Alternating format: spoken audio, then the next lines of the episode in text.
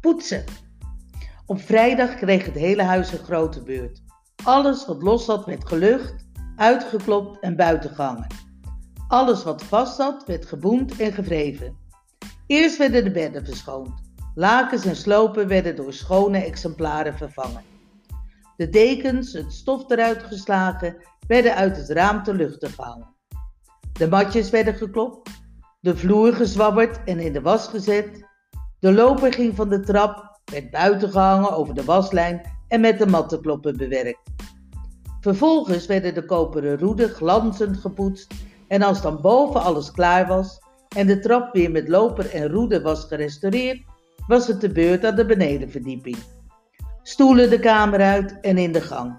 Het vloerkleed opgerold en na het dragen van muren en plafond, het soppen van de deuren, werden de ramen gezeemd.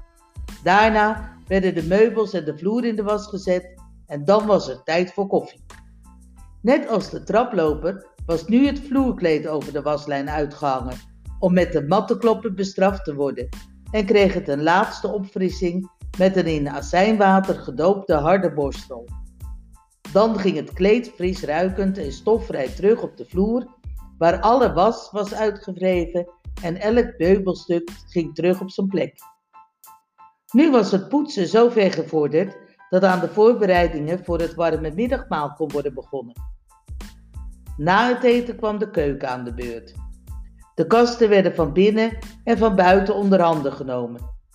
De vloer geschropt met de luiwagen en het granieten aanrecht en de betegelde gootsteen met vim geschuurd. De buitenboel werd het laatst gedaan. Het tuintje aangeharkt, de straat geveegd en tot besluit van deze werkdag werden bel en brievenbus gepoetst tot ze met hun diepe gouden glans de voordeur tot uitnodigend pronkjuweel maakten. Dan kwamen wij uit school slikten met onze niet geveegde voeten het vuil opnieuw naar binnen, gooiden jas en tas in een hoek van de kamer en vielen, wel gevraagd of het mocht, aan op de koekjesrommel.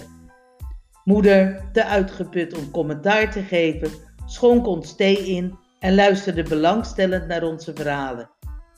Het hele huis rook naar vrijvas, spiritus en groene zeep. Zo feestelijk schoon kon je op de zondag gaan wachten.